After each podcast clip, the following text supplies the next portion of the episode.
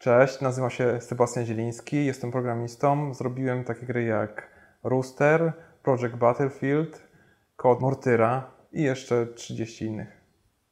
Było duże ciśnienie, pokażcie coś wreszcie, pokażcie coś grywalnego. Udało się zrobić jakieś proste demo. Udało się zrobić jakieś koszmarnie wyglądające. Według mnie wyglądało katastrofalnie. Nikt tego nie chciał kupić. Przez bardzo długo zużyliśmy wszystkie oszczędności, mimo że żyliśmy bardzo, bardzo skromnie.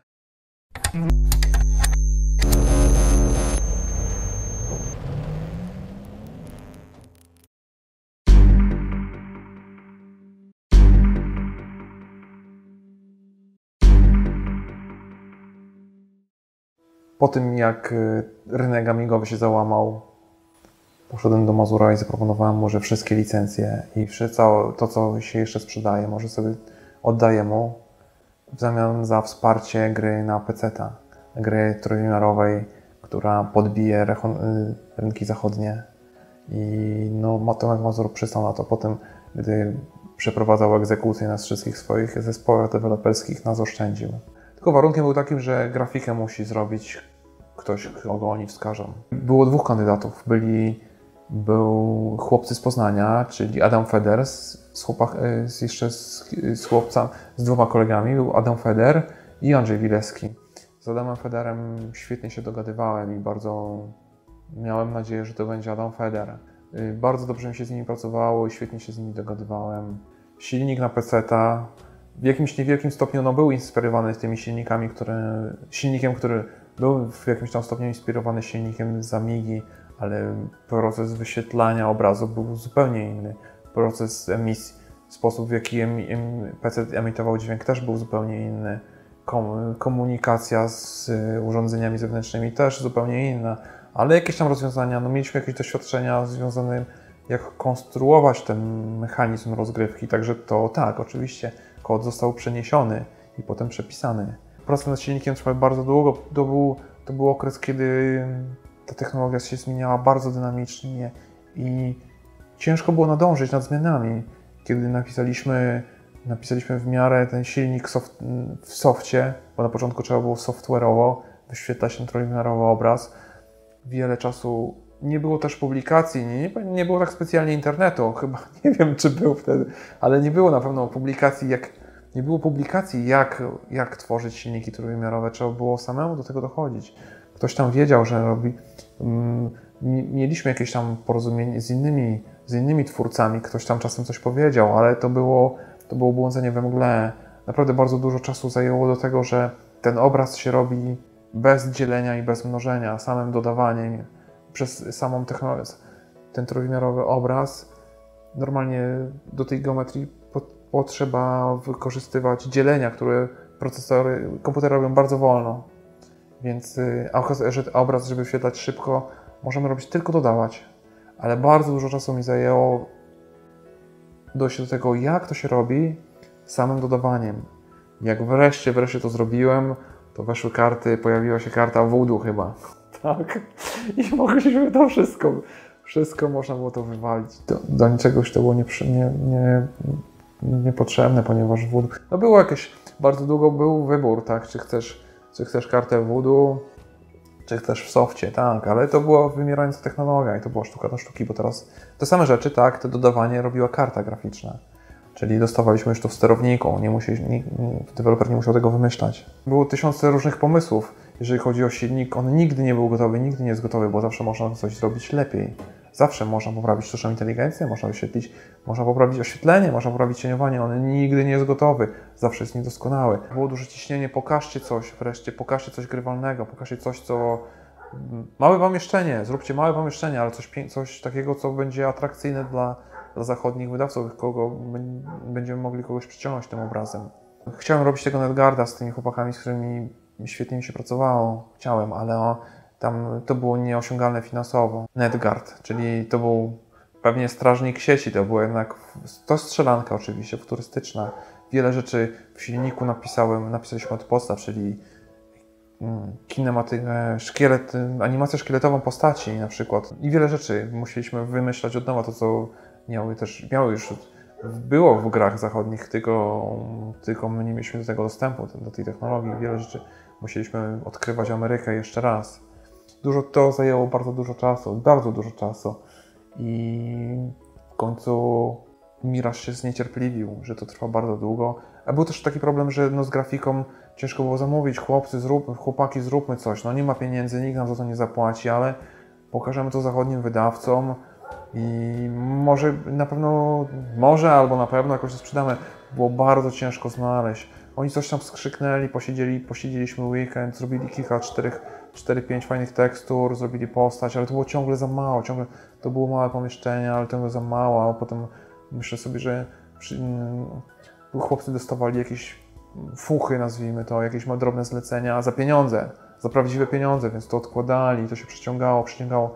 No ja siedziałem nad tym silnikiem, prawdopodobnie korzystałem z tych licencji, z tych ODM, z tych licencji, więc Mazur pozwalał mi pracować nad silnikiem, ale nie było ciągle grafiki. Ciągle nie było grafiki. Ja pracowałem na monitorze czarno-białym, więc tak, przy, kolory sobie wymyślałem, jakie to są kolory. Jak przyjeżdżałem albo do, jak przyjeżdżałem raz w miesiącu do Miraża, zobaczyłem, jakie, pokazać im postępy pracy, zobaczyłem, jakie wyszły kolory na przykład, żeby obciąć koszty. Jakoś, nie pamiętam, była jakaś impreza, chyba Gambleriada, nie jestem pewien, ale chyba Gambleriada, w, której, w którymś tam 95 czy 96, w którym Miraż, czyli Tomek Mazur wyznaczył graniczna data. To jest graniczna data, tego dnia zapadnie decyzja, co dalej y, z tymi projektami, co będę robić dalej.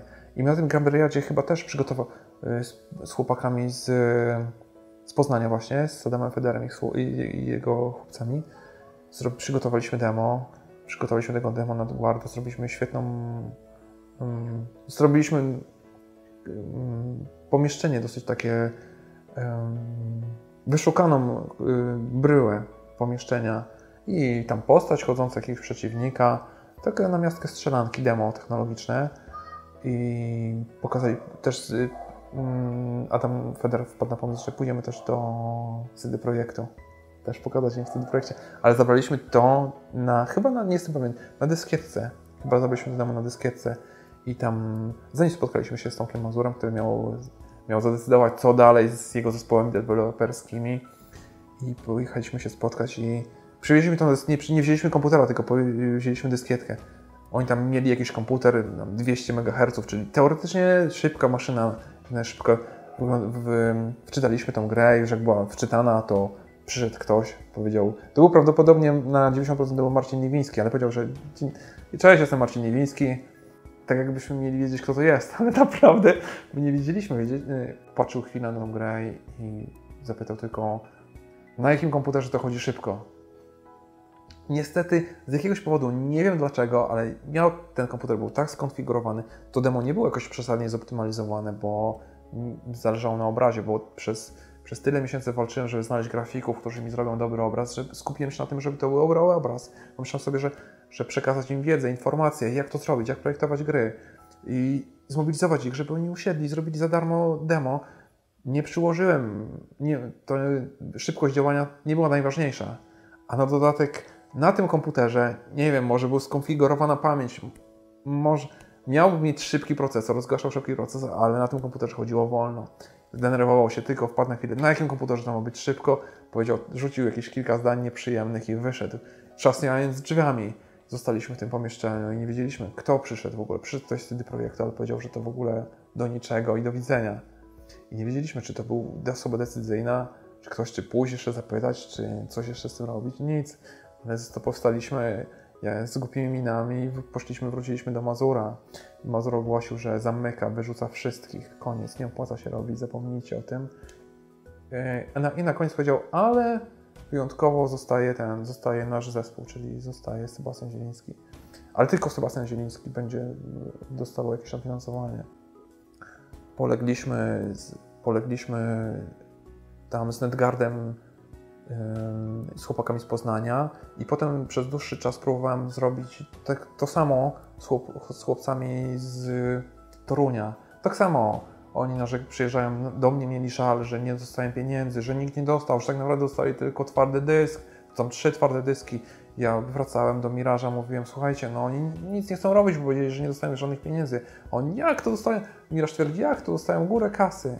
Mnóstwo pieniędzy dostali tamto, tamto, tu dostali pieniądze za tamto, za coś innego. no to wracam z powrotem do nich, oni też znowu, że nie, nie zrobią i tak dalej. Myślę sobie, że jeździłem w kółko i myślę sobie, że nie uda mi się, że, że, to wszystko, że to wszystko walnie, że nie uda mi się. Ale jakimś cudem udało się zrobić jakieś proste demo. Udało się zrobić jakieś koszmarnie wyglądające. Według mnie wyglądało katastrofalnie. Kanciaste postacie, kanciaste, kanciaste z 200 poligonów postacie z płaskim face'em. Bardzo ci chłopcy nie radzili sobie z ten silnik wymagał specyficznego konstruowania bryły, żeby, żeby ten świat wyświetlany był szybciej. To był silnik portalowy. Trzeba było te portale w specjalny sposób konstruować, żeby mm, zaoszczędzić to wyświetlanie. Oni nie łapali tego. Zrobili to, działo to bardzo wolno, słabo graficznie, ale udało się to zrobić. I z jakichś powodów to się spodobało Intelowi. Ale był taki moment, że Tomek Mazur powiedział koniec, pomyśl, Sebastian, pomyśl, jak oddasz mi te pieniądze, które włożyłem w ten, silnik, w ten silnik rozwój technologii i że to już koniec, do widzenia.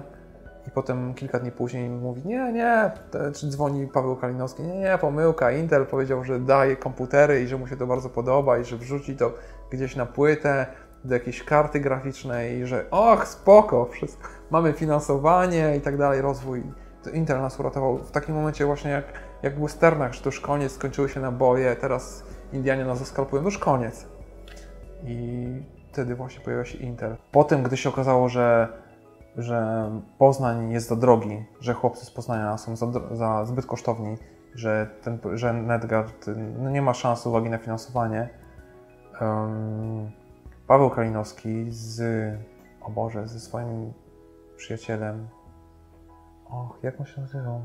Fijałkowskim, chyba Adamem Fijałkowskim, wpadli w Mirażu na pomysł. Oni się świetnie dogadywali, oni razem właśnie w taki um, klimaty insanity szybko stworzyli, razem mm, świetnie się przy tym bawiąc, stworzyli koncepcję, ale koncepcję tylko taką fabularną, że stworzą takiego doktora i tak dalej. To było, yy, nie powstało ani jeden piksel grafiki, ani jedna linijka kodu do tego, ale powstała taka koncepcja, że powinni zrobić coś takiego, że to był pomysł na fabułę.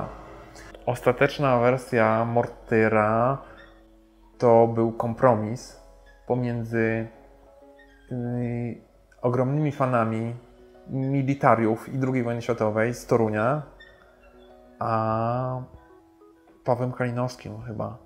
Ja byłem, ja się zajmowałem, chciałem nowinkami technicznymi.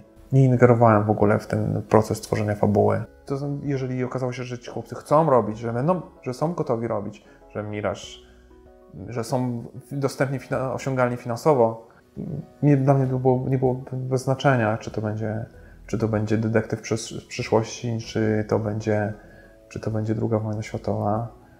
Um, chciałbym tylko zrobić, chciałbym zrobić po prostu dobrze to od strony programistycznej. I to był kompromis też z Pawłem Kalinowskim, bo Paweł Kalinowski to jest bardzo inteligentny człowiek i Myślę, że bardzo dobrze, bardzo genialnie sobie radził, jeżeli jak na możliwości mirażowe, genialnie sobie poradził z sprawą marketingu. Był, dobrze sobie z tym radził. Byłem, jak na, dla mnie programisty, który w ogóle ma problemy z kontaktami z ludźmi, to był wzorem naśladowania w umiejętności kontaktach z ludźmi. Od niego podpatrywałem sobie, jak należy się kontaktować, w jaki sposób się komunikować z ludźmi. I on sobie dobrze radził z tym, dość dobrze. E, był odporność psychiczna jest wtedy potrzebna i cierpliwość. To on sobie nawet sortował sobie, że jest małym spamerem. Tak na siebie, bo po prostu cierpliwie pukał do, do, do wszystkich drzwi, do których tylko udało się dotrzeć. Udało się zrobić demo do Mortyra i udało się znaleźć wydawcę na zachodzie, było to Interactive Magic. Ci ludzie z Interactive Magic w celu jakby integracji oprogramowania i żeby, nie wiem, mm, chcieli mieć programistę u siebie, żeby czuwać nad tym procesem. Gra była w znacznym stopniu już przygotowana, to była, nie wiem, powiedzmy, że pełna alfa, ale było jeszcze 500 błędów. Było 500 błędów, które ja systematycznie naprawiałem, ale oni myśleli sobie, że jak na zespół programistów, o których są informowani, bo oni mieli informację, że nad tym pracuje zespół programistów, że to jednak być może te prace nie posuwają się dostatecznie szybko i zaprosili mnie. Pozapraszali mnie chyba ze, ze dwa razy. E, no Miraż, no niechętnie, niechętnie, niechętnie wyraził zgodę, ale zgodził się po jakichś chyba naciskach. Zgodził się. Pojechaliśmy z Pawłem Kalinowskim na miesiąc bardzo nas dbali. Na pewno to nigdy wcześniej, ani nigdy później nie, nie spotkałem, chyba powiedzmy, nazwijmy to pracodawcę, czy zleceniodawcę, czy inwestora, który by tak dbał o swoich pracowników. Rzeczywiście żyliśmy tak jak pączki z masłem, jak, maś, jak pączki, nie wiem, no ale rzeczywiście byliśmy tam, byliśmy tam bardzo dobrze traktowani i niczego nam nie brakowało. Była taka możliwość, żeby tam zostać. Wahałem się. Wiem, że po upadku, po upadku Interactive Magic grupa menadżerów, tam zawiązała się taka nieformalna grupa menadżerów, która wydawało mi się, że myśli o tym, o stworzeniu studia i że widzą mnie w tym studiu. Wahałem się, co zrobić, ale to byłaby. Wtedy byłem młodym chłopcem, który wydawał mi się, że to zdrada i że nie mogę tego zrobić, że to jest niemoralne. No i wróciłem. Mortyr w wersji Andrzeja Wilewskiego był, było strzelaniną bez fabuły, bez fabuły. Idziesz i strzelasz, idziesz i strzelasz i zabijasz Niemców. I dopiero, dopiero Interactive Magic zaprosił mnie i Pawła Kalinowskiego, żeby wytłumaczyć, że no nie, gra nie może tak wyglądać. Naprawdę musimy dodać trochę fabuły, że bez tego nie przejdzie.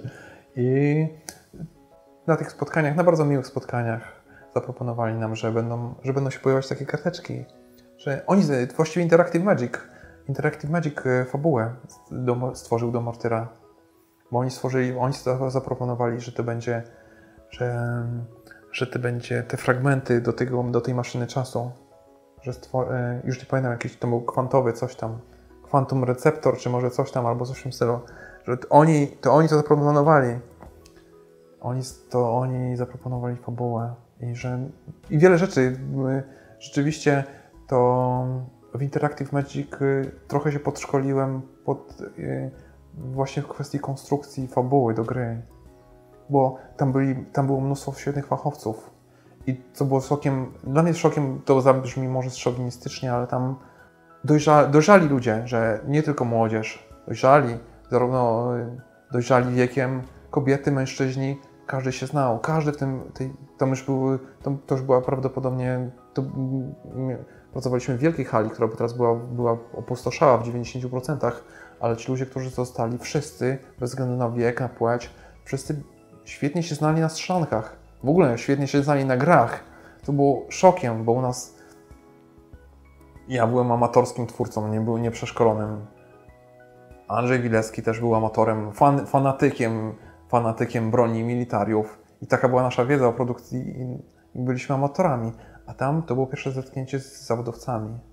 Tak naprawdę dużo by opowiadać, dużo by opowiadać, czego mnie nauczyli, bo mm, ja też nie, generalnie skupiałem się na kodzie, także przyswajałem tą wiedzę nieświadomie, te informacje, ale na pewno tak, że gra musi być skonstruowana fabularnie i od tego czasu, od tego czasu, nawet tego czasu inaczej patrzę na grę. Jeżeli w ogóle od tamtego czasu, jeżeli robiłem już grę, to robiłem tylko po to, że chciałbym coś pokazać ludziom, że to jest jakby to jest jakaś, powiedzmy, że spuścizna, że to jest moja wizytówka. To jest, że to jest właśnie moja wizytówka i że jak, dlaczego to robisz? I pytanie, czy robisz to dla pieniędzy, czy robisz to, czy chcesz coś przekazać ludziom, czy chcesz im dostarczyć rozrywki, czy chcesz też coś oprócz rozrywki, coś jeszcze im przekazać. I wtedy bardziej filozoficznie, chociaż nie, oni nie podchodzili filozoficznie, tam byli po prostu zawodowcy od tego, jak co robić tą grę, żeby ta gra żeby się sprzedawała. Y, Amerykanie oczywiście traktowali mnie jak kosmitę to jest kosmita. Że oczywiście dla kosmity też trzeba być miłym, oczywiście, być uprzejmym. Ziemską uprzejmość pokazać kosmicie, ale tak, to kompletny kosmita. Oni nazywali to oczywiście Code Monkey, czyli małpa chyba od kodowania. Tak. A, niestety nie traktowali, tam to było um, apogeum może popularności dowcipów o Polakach, więc tak, oczywiście. Tak, oni nie powiedzieli, nikt nam nie powiedział, ale no, nie traktowali go nas jak kogoś. Mimo, że byli, mimo tej oczywiście uprzejmości, ale poza tą uprzejmością pracową, poza pracową, to był. To był właśnie Polak z dowcipu.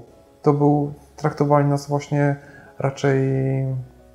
To nie, nie byliśmy, nie byliśmy kimś równym tak na na przykład pewnie nie mógłbym się umówić z, z córką tych, ani z, z, siostrą tych ludzi. No nie, raczej nie chcieliby widzieć na kandydata na męża. Tylko dla programisty był, tak, był bardzo miły. I to chyba to też zadecydowało też o powrocie, że niby trzeba wrócić do tej cebulandii, ale tak, ale no, tutaj jestem tak jak równy całej reszcie populacji. Po wydaniu Mortera znalazły się środki na, na biuro, żeby nie pracować w domu. Czyli mieliśmy mini biuro, tak naprawdę syfne, ale tanie i syfne, ale biuro własne i było też dwóch chłopców do pomocy, miałem też dwóch programistów, którym także robiliśmy w trójkę i pracowaliśmy nad grą Warhammer 40 tysięcy. Adam Fiałkowski mm, jakimś sposobem przekonał jakąś szychę. Nie wiem dokładnie, bo to, był, to jest top secret, mega top secret w ogóle temat. W jakiś sposób mm, jakąś umowę. Ja nie wiem dokładnie też, jak brzmiał ten papier, ale on funkcjonował pod, pod nazwą umowa. Że miał podpisaną umowę z Warhammerem. Co się później okazało, że nie do końca prawdą. Ale miał teoretycznie i ja miałem taką informację, że jest umowa z Warhammerem i że robimy Warhammera. I rzeczywiście no, staraliśmy się, zrobiliśmy strzelankę takich 10, może 11 aren, nie pamiętam już teraz dokładnie. Ona gdzieś tutaj jest na płytach, można zobaczyć. Ładna, starannie zrobiona graficznie, to jest postęp graficzny w stosunku do Mortyra. Warhammer powstał na zmodyfikowanym silniku Mortyra. Był strzelanką, to była strzelanka sieciowa. Co się okazało, okazało się, że po roku pracy, po zrobieniu całej tej strzelanki sieciowej, całej grafiki, kodu, kompletnej gry, okazało się, że tak naprawdę to nie mają umowy. Może mają tak naprawdę być może list intencyjny, list intencyjny, a Warhammer w ogóle wszystkimi możliwymi metodami prawnymi, czy w ogóle chce to zignorować, a umowę chce podpisać, chce, jest zainteresowany grą, ale chce tę umowę podpisać z wielkim producentem jakimś, z uznanym światowym producentem. I projekt no nie został wydany nigdy, mimo że ukończony, nie został wydany. I być może to też wpłynęło na pogorszenie relacji z Mirażem i na decyzję o rozstaniu się. Po rozstaniu z Mirażem rozglądałem się. Pamiętałem ciągle o tym, że o tym, jak wyglądało życie w, i praca w Interactive Magic, i więc rozglądałem się za pracą za granicą. Oglądałem te amerykańskie oferty. Wtedy miałem opinię dobrego programisty i to, to działało w skali świata. I mogłem sobie wybierać pracodawców. Spotkałem się z CD Projektem i ot, otwarła się możliwość współpracy. Oni poinformowali mnie, że planują otworzenie spółki, która zajmuje się developingiem. Zaprosili mnie do zarządu i zaproponowali udziały w tej spółce w CD Projekt Red Studio. Stanowisko dyrektora zarządzającego tego. Także to była taka dosyć mocna oferta, biorąc pod uwagę, że wszyscy znajomi mówili, że CD Projekt to jest to, jest to i że wybieraj CD Projekt. I w tym czasie deweloper z, z Los Angeles po jakichś dłuższych rozmowach, po testach wysłali mi propozycję finansową, ale to była pewnie, przypuszczam, że to była tylko taka próbna oferta, ale to było znacznie poniżej oczekiwań. Byłem zaskoczony, że proponują tak niewielkie pieniądze i, i odmówiłem im, mając tutaj propozycję na miejscu. Dowiedziałem się, że CD Projekt będzie pracować nad konwersją z y, Baldur's Gate Dark Alliance z PlayStation na PC. Ta. I mają pełne kody Baldur's Gate'a. Rzeczywiście mieli pełne kody. I że proponowa, zaproponowali mi tę konwersję. I zająłem się, przez kilka miesięcy siedziałem nad tą konwersją, zanim się okazało, że tak naprawdę nie mają. Chociaż kilka razy się dopytywałem, ale mówili, że to Marcin Miński mówił, że to jest osoba, która nigdy mnie nie okłamała. Jeżeli on napisał w mailu, że dają na tą konwersję, to my mamy tą konwersję i to robimy. No i siedziałem nad tym i konwertowałem, przetłumaczyłem ten yy, yy, z, z, PlayStation, z, czyli z takiego PlayStationowego OpenGL na DirectX. Przetłumaczyłem to. Nigdy tego nie uruchomiłem, bo się okazało, że, no, że nie, nie ma, że ta praca poszła na marne i że y, rozmawiają, nad, szukają IP, szukają IP nad nowym projektem, nowej gry i że rozważają Lema i jeszcze kilka innych rzeczy, czyli coś od Lema i od Sapowskiego. No, Lem, um, adwokat Lema powiedział, że od pół miliona w ogóle się, zaczyna się rozmowa od pół miliona. Na licencję, więc odpadł szybko, został w sapek. Miał mikrowymagania. To był moment, w którym rzeczywiście Wiedźmin się już wyprzedał. Książkowy Wiedźmin się wyprzedał na wszystkie możliwe sposoby. Ja się zajmowałem wtedy już organizacją zespołu, szukałem grafików. Otrzymałem informację, że umowa z Sapkowskim jest w finalnej, w finalnej fazie, czy wszystko jest dogadane. Wszystko jest dogadane, weź tylko umowę, wysyłamy Ci umowę, pójdź z Sapkowskim, no bo biuro było w Łodzi, a Sapek mieszkał niedaleko kilka kilometrów, pójść do Sapka, podpiszesz, pod, on podpisze umowę i odeślesz nam. I rzeczywiście tak zrobiłem. Zrobiłem, poszedłem do niego z tą umową zadowolony, że tutaj, panie Sapkowski, zrobimy fantastyczną grę, fantastyczną, najlepszą na świecie. Sapek wziął umowę, przeczytał i patrzy i się wściekał, że pomylili y, Geralt przez, przez D, że było w umowie napisane. Tak, było napisane, nie czytałem tej umowy, jak poszedłem że on sprzedaje i się do tego nie miesza. Zresztą to byłby ogromny kłopot. Dla, to był ogromny kłopot pisarz, który nie ma, nie, nie zna w ogóle realiów gier. Taki był kłopot y, z autorem scenariusza, świetnym pisarzem Jackiem Komudą. Jest to świetny pisarz. Czytałem kilkadziesiąt, przeczytałem kilkadziesiąt stron. Nie, nie czytam tego typu literatury, ale dostałem od niego książkę, przeczytałem kilkadziesiąt stron, dobrze to wchodzi. Jest dobrym pisarzem, świetnie y, operuje słowem, ale pisanie questów do gry to jest coś zupełnie innego. W Interactive Magic wszyscy rozumieli gry, wszyscy rozumieli, co to jest gra, co, jak to trzeba konstruować, jak się do tego zabrać. Każdy wiedział w ogóle, co to jest deweloper. W CD Projekcie, wtedy projekt był hurtownią. Wiedział, jak się kontaktować z mediami, jak ten produkt wystawić w sklepach, ale nie wiedział, jak się go robi. Nie wiedział, jak się go robić. Nie wiedział, co to jest artysta w ogóle. Nie wiedzieli. Także pierwszy raz chyba widzieli mnie. I one na mnie się uczyli. Mm, przede wszystkim nie miałem, tam nie ma swobody. Mamy, już zapomniałem jak się nazywa, to nie był Baldur's Guide, bo mieliśmy, mieliśmy wytyczne, mieli, miały, otrzymałem wytyczne od CD Projektu, jak ma to demo, jak ma być zrobione. Demo jest, um, przede wszystkim mieliśmy przykład, ten Baldur's Gate Dark Alliance, czyli musiało być, to musiało być, musiało być gra klikana, bo klikana się najlepiej, bo najlepiej sprzedające się gry w CD Projekcie to były klikane i to musiała być gra klikana zażyczy, miała być kamera z góry, tak jak już zapomniałem, jak było wcześniej była gra, oprócz Dark, Baldur's Gate Dark Alliance była jeszcze jakaś gra Microsoftu, z której nie pamiętam, ale którym się inspirowaliśmy, że mieliśmy zrobić, mieliśmy wytyczne, mamy zrobić taką dokładnie grę. Wizualnie. E, wydaje mi się, że ona była dosyć starannie przygotowana. Mi się starałem, żeby to zrobić starannie, graficznie. W międzyczasie zrobiliśmy demo dla Intela, kolejne Intel był zadowolony z tego bardzo. Jest gdzieś list, w którym też wychwala, że jest świetny, że na procesorach Intela chodzi, śmiga, na procesorach konkurencji stoi i że są mega w ogóle, w ogóle są, to jest euforia w Intelu, że jest demo, gdzie jest taka różnica kolosalna, że ktoś nas zrobił tak, ten kod napisał, że on działa kolosalnie, że jest taka kolosalna różnica, że tak wykorzystuje, bo to jest Hyper Thread chyba to się nazywało, czy jakoś tak mieli, mieli przewagę, szybko przełączali wątki, więc zrobiliśmy, że było tych wątków, trzeba było dużo przełączać i zrobiliśmy tak, że wypukliśmy przewagę Intela w tej dziedzinie.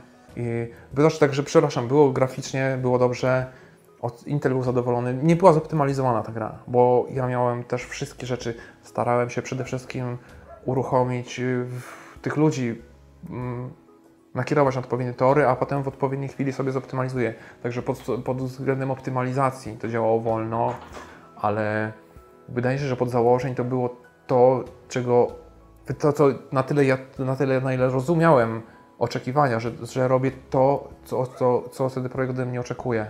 Demo stworzyło trzech grafików i ja. Prosiłem Michała i Marcina, żeby zabrali mnie ze sobą na te spotkania, bo ja mniej więcej miałem już jakąś orientację, widziałem już kontakty z tych ludźmi i bym, bym, myślałem, że będę w stanie jakoś interweniować, w razie czego coś im doradzić w naszych spotkaniach, co robić, co robić, ale nie chcieli mnie zabrać na te spotkania. Nawet w ogóle jako niestosowną w ogóle uznali taką prośbę, bo nie chciałbym, ale no, myślę, że to było naprawdę dla, dla, dobra gry, żebym tam był na miejscu. Nawet gdybym widział, że na przykład, nie wiem, brak loadingu, że im przeszkadza, że to widziałbym, widziałbym po twarzach tych ludzi, tak myślę, co się dzieje i można byłoby szybko interweniować i być może zmienić formę prezentacji. Jak, ale niestety nie mogłem pojechać. Pojechali Michał z Marcinem pojechali, wrócili, wydawało się, że są niezadowoleni. Nie powiedzieli wprost, nikt nie powiedział, że to jest, że to jest porażka, że, że to wyrzucają. Nie chcieli powiedzieć, bo oni, ponieważ yy, to była tajemnica firmy, a ja byłem yy, poza kręgiem zaufania. Od samego początku i zawsze byłem poza kręgiem zaufania. Czyli jak było spotkanie zarządu, zastanawiać się, co robić dalej, to było beze mnie. Mimo, że teoretycznie byłem członkiem i teoretycznie, fikcyjnie byłem też dyrektorem, ale decyzje zapadały beze mnie. Ja byłem, byłem informowany przez, przez asystenta, dyrektora do spraw rozwoju. No. Jacek Komuda e, został, to znaczy Marcin przedstawił, że to jest, to jest człowiek, który to jest wybitny pisarz i zaprosił mnie kiedyś do radia, do, programu, do swojego programu i on musi pisać scenariusz. On musi pisać. To ja nie miałem też wpływu, bo jak ktoś powiedział, że Marcin Miński powiedział, że ja piszę, to co ty będziesz mi tu mówić, no nie?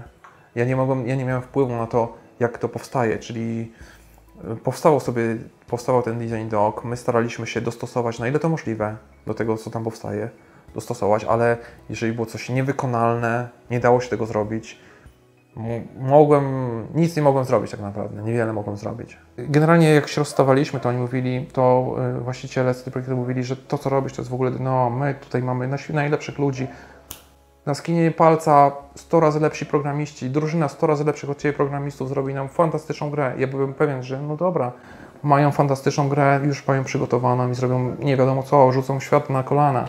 Zamknięcie, zamknięcie studia polegało na tym, że przyjechał Marcin Iwiński, to było w ogóle zabawne, ale nie wiem, czy to się nadaje do powiedzenia, ale przyjechał Marcin Wiński i opowiedział o tym, że w wielkim skrócie, w wielkim uproszczeniu, że każdy, kto z nim teraz pojedzie, zbuduje sobie dom pod Warszawą.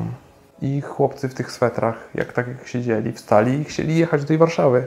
Byli gotowi już wsiąść, nie wiem, jechać i dopiero Marcin powiedział, że nie, nie, teraz nie, że to zorganizujemy, to później, teraz zostańcie jeszcze tutaj i zorganizujemy Wam jakoś tam transport, także nie, jeszcze nie, to nie dziś. Wiedziałem, że tam nie ma miejsca dla mnie, no nie? Wiedziałem, że tam nie ma miejsca dla mnie, że to ja jestem obarczony, że mm, uznali ten projekt za porażkę. Ja myślę, że to jest, jeżeli ktoś nigdy nie robił gier i nie wie, jak wygląda gra w produkcji, jak, jak wygląda gra w produkcji, widział tylko gotowy produkt, to rzeczywiście, mamy teraz, nawet teraz mamy takie problemy z inwestorami, tylko że mam kilka lat więcej doświadczeń że oni wpadają w panikę, dopóki, że inwestor dopóki nie widzi gry skończonej, gotowej Goldmastera, to on jest w ciężkiej panice i naprawdę ciężko jest mu coś pokazać, naprawdę ciężko jest mu pokazać. Jak oni widzą, że nie wiem, czy no, czegoś brakuje, że tutaj, tutaj, tutaj te rzeczy jest nie do zrobienia, to wszyscy reagują tak samo. To jest panika.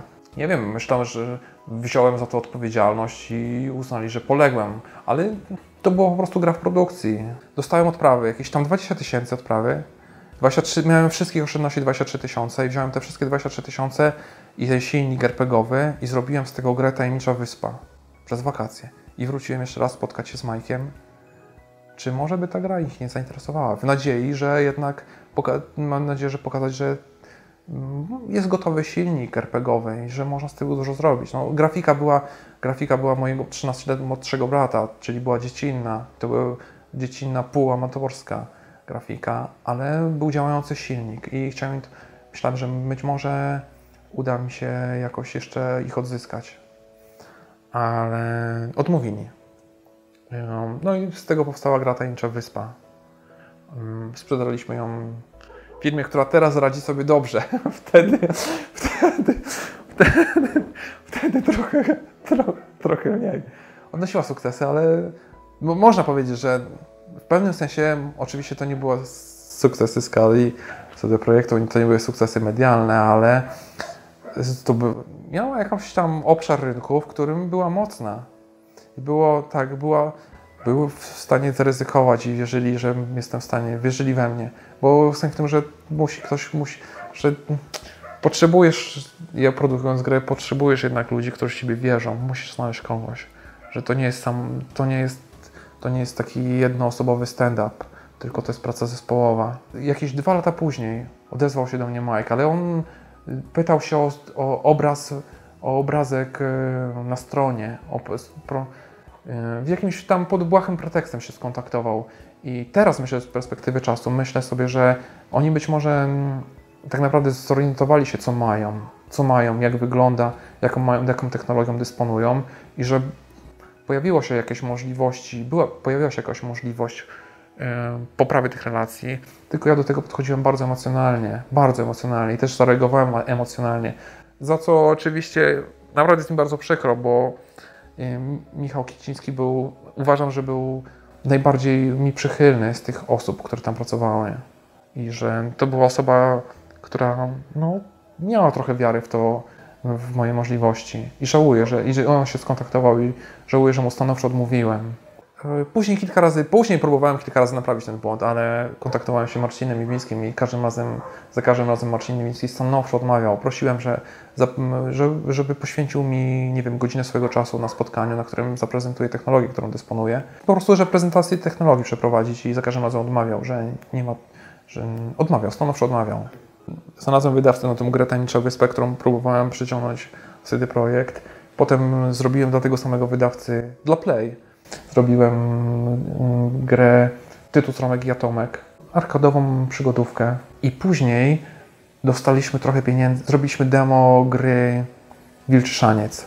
Pomyślałem sobie, że polowanie, że nikt nie zrobił polowania na Hitlera i że to jest bardzo chwytliwy temat i że z tym tematem, z tym tematem jakoś się przebije mimo że katastrofalnie miałem, katastrofalnie nie radziłem sobie z, z rela nawiązywaniem relacji z, med z, mediami, ale myślałem sobie, że ten temat jest mocny, że uda mi się, mimo, że uda mi się z tym przebić. I znaleźliśmy, dostaliśmy, zrobiliśmy demo, dostaliśmy, dostaliśmy no 100 tysięcy od Kelly, od, e, od rosyjskiego wydawcy i za te 100 tysięcy zrobiliśmy grę. Zrobiliśmy grę, ten Wilczy Szaniec starałem się, bardzo się starałem, żeby ona była ciekawa dla graczy. To był chyba pierwszy raz, kiedy naprawdę się starałem, żeby zrobić ciekawą grę, żeby była jazda w pociągu, żeby było na, na pokładzie sterowca, żeby była walka, żeby można było jeździć czołgiem, motorem. To były nowe rzeczy, które włożyłem do silnika, do, do tego silnika, na którym pracuję cały czas. Tak naprawdę ym, kod, scenariusz, fabułę, wszystkie levele zrobiłem sam. Postacie robił mój brat Dominik, jeszcze oraz Michał Matczak, który teraz jest grafikiem 2D, pomagał też, czyli w trójkę. Nikt tego nie chciał kupić. Przez bardzo długo zużyliśmy wszystkie oszczędności, mimo że żyliśmy bardzo, bardzo skromnie. Zużyliśmy, nikt tego nie chciał kupić. Nikt, absolutnie nikt. Gra miała bardzo, bardzo, bardzo. Miała miażdżącą, miażdżącą zewsząd, miażdżącą krytykę zewsząd. I, ale gra City Interactive, który przeżył to, zna takie rzeczy, przeżył, wie jak go przetrwał takie fale miażdżącej krytyki i, i ma świadomość, że nawet taka miażdżąca krytyka to jest reklama. Jeżeli gra jest, myślę, że wydaje mi się, że jeżeli gra jest odpowiednio przygotowana, ona budzi ciekawość. Ludzie dla beki kupią ją, żeby zagrać dla beki, żeby też się pośmiać. I tak, zrobiła. Znaczy, to pozwoliło nam przetrwać te pieniądze. I, sprzedaliśmy ją tak w całej w Rosji, w, całej, w Polsce i w całej Europie. I doczekała się sequela. E, City Interactive na początku mówi, rozmawialiśmy o kontynuacji, rozmawiał z nami, ale nie wiem z jakichś powodów. Ja sobie tak tłumaczę, że ustąpił jakiejś zewnętrznej presji, że, że dał to do zrobienia komuś innemu. I wydaje mi się, że ona no, już nie miała takiego, takiego kopa jakiego moglibyśmy zrobić, to my. Teraz nieskromnie powiem. Pewnie przesadziłem. Po, po Wilczym Szańcu wydawało mi się, że jest szansa, że gry na komórki są zacofane, że nie ma prawdziwej trójwymiarowej, że komórka daje już możliwości, iPhone daje już możliwości tworzenia gry trójwymiarowej z dobrą grafiką, ale takiej gry nie ma i że to też jest szansa, że dla gościa, który jest programistą, ale nie potrafi się komunikować, nie potrafi tego produktu sprzedać, że uda mi się zabłysnąć samą tą grafiką trójwymiarową. I tak powstał Warman. Warman to też to temat, który zaczynał się też wieki temu, zaczynał się od gry na Game Boya, też niewydanej. Także właściwie można by wspomnieć jeszcze o, w międzyczasie powstały jeszcze gry na Game Boya. Po rozstaniu z, Mira, z Mirażem, ale jeszcze przed, przed, przed, przed przed y, nawiązaniem współpracy z CD Projektem w okresie tam 2001-2002 rok zrobiliśmy dwie gry na Game Boya, na Game Boy Color, na konsolę Game. Zrobiliśmy dwie gry na, na konsolę Game Boy Color. Jedna to była taki małym czarodzieju, Mageus się nazywała i tą zrobiliśmy całą. I teraz nie pamiętam, wydaje mi się, gdybym musiał strzelać, to było Take-Two, ale nie pamiętam, że Take-Two to jest Francuzi. Titus, może to był Titus. Próbowaliśmy ją, tą grę sprzedać Titusowi. Bardzo długo się zastanawiał, bardzo długo, przez wiele miesięcy. Przez wiele miesięcy nas zwodzili, że tak, wezmą ją. Wezmą ją przez wiele miesięcy. A w końcu ostatecznie powiedzieli, że tak, że, wy, że angielski oddział się zgodził, że jakiś tam oddział, ale Francuzi mówią, że nie, jednak nie wezmą, dzięki, do widzenia. W 2009 roku zgłosiła się do nas gmina Rybczewice z prośbą, z propozycją wykonania gry przeglądarkowej.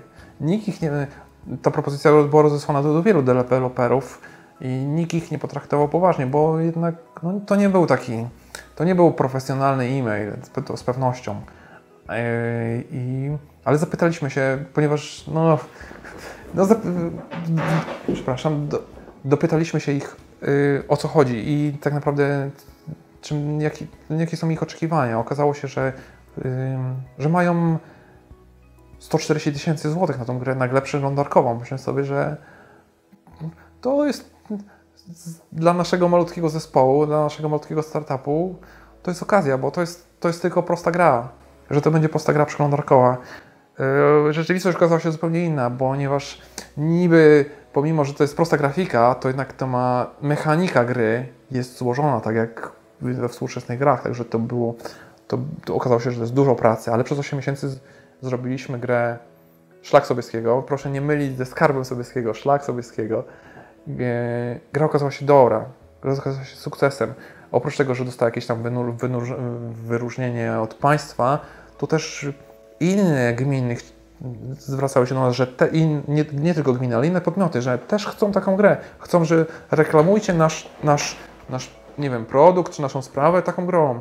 I mieliśmy, mieliśmy sporo tych do tej pory, w zasadzie do, tych, do tej pory. I po zrobieniu ich czterech czy pięciu okazało się, że mamy technologicznie jesteśmy już dosyć mocni w, w, świeże, w świecie MMO. Że jesteś, okazało się, że jesteśmy mocni technologicznie i że mamy wszystko to, co najlepsze MMORPG. Jest taka możliwość, że oprócz robienia takich drobnych gierek jako reklamujących jakiś produkt, możemy zrobić coś, co być może mm, będzie jakimś nawet pionierskim rozwiązaniem i w tej chwili pracujemy nad grą, też grą przeglądarkową MMO, ale wyglądającą jak prawdziwy komputerowy MMO. Polska w okresie średniowiecza. Jesteśmy szlachcicem, sobie, sobie szlachcicem, który ma różne przygody. Są, w tej chwili są dwie takie gry robimy, opracowujemy.